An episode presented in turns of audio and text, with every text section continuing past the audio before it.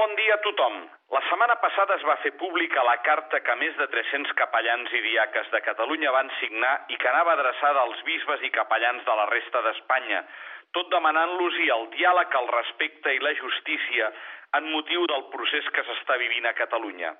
En el text hi deien a tots ens fa mal constatar que les relacions mútues que s'estan donant entre cristians i entre comunitats d'aquí i d'allà i els sentiments recíprocs que expressem no són en molts moments els que haurien de ser sentiments propis de germans en la fe. És una situació que ens fa mal com a ciutadans i encara més com a cristians, però sobretot ens fa mal com a responsables de comunitats cristianes.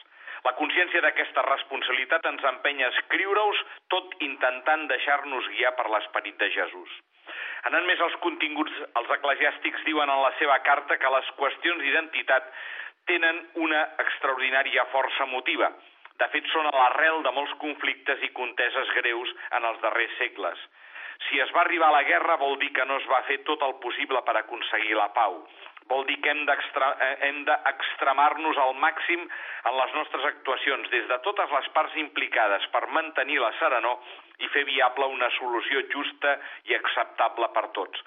Les nostres comunitats cristianes viuen el conflicte com el viu tota la societat espanyola i catalana, però com a seguidors des, del Senyor Jesús, les nostres comunitats estan cridades a viure'l segons l'esperit evangèlic Orientar aquestes actituds és una missió delicada i greu de nosaltres els pastors. Podem acompanyar les nostres comunitats pel bon camí, però podem fer-ho també per camins equivocats, contribuint fins i tot a actituds no evangèliques. Ho diem amb tota serenitat. Ens hem qüestionat moltes vegades quina ha de ser la nostra posició i us demanem a vosaltres, germans preveres, diaques i bisbes, que ens acompanyeu en aquesta recerca. Pel que fa a les propostes més concretes, la carta aposta per l'únic camí positiu que és el diàleg. Així ho han expressat diverses personalitats tant en, de l'àmbit civil i polític com de l'eclesiàstic. Recordem la presa de possessió de Monsenyor Ricardo Blázquez, president de la Conferència Episcopal Espanyola. En aquests moments greus, deia, la veritable solució del conflicte passa pel recurs al diàleg des de la veritat i a la recerca del bé comú de tots, com assenyala la doctrina social de l'Església. No hi ha reconciliació sense diàleg. No és acceptable pretendre resoldre un problema social tan complex des de la imposició de la força policial o del dret penal. I pot ser molt destructiu deixar-se portar per espontaneïtats emotives que poden destruir un esforç social que ha de ser matitzat i respectuós. El diàleg suposa i exigeix actituds serenes, no agressives, disposades a escoltar l'altra part i a valorar les seves posicions.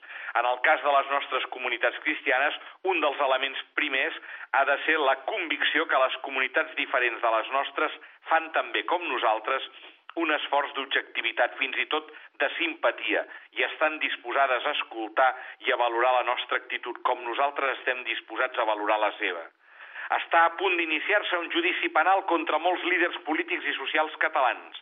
Aquesta situació té una gravetat especial.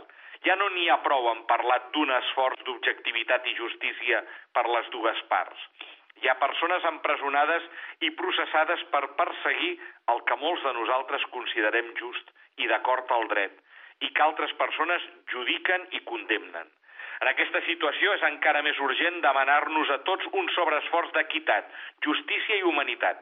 Al final, fins i tot després de diàleg i reflexió conjunta fraterna, s'hauran de prendre decisions.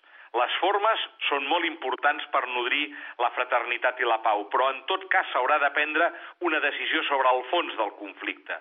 El nostre esperit cristià formulat des dels principis de la doctrina social de l'Església, ens porta a cercar i acceptar les solucions justes que respectin els drets de Catalunya, així com ha de ser respectats els de tots els pobles, tal com són descrits en el seu contingut i els seus límits per l'esmentada doctrina. És en aquest sentit que nosaltres sentim que hem d'orientar les nostres comunitats cristianes subratllant sempre l'esperit de diàleg i de col·laboració, Atenguem, doncs, més el que ens uneix que el que ens separa i no anteposem mai ideologies ni lleis humanes al respecte recíproc i a la veritable justícia. Molt bon diumenge a tothom!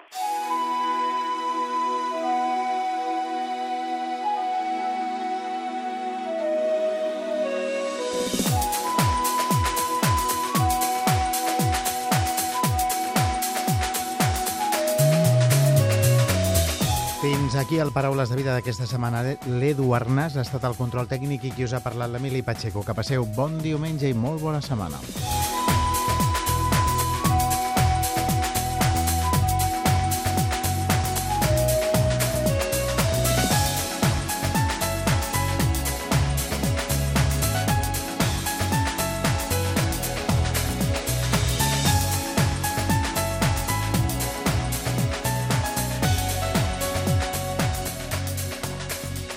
Paraules de vida.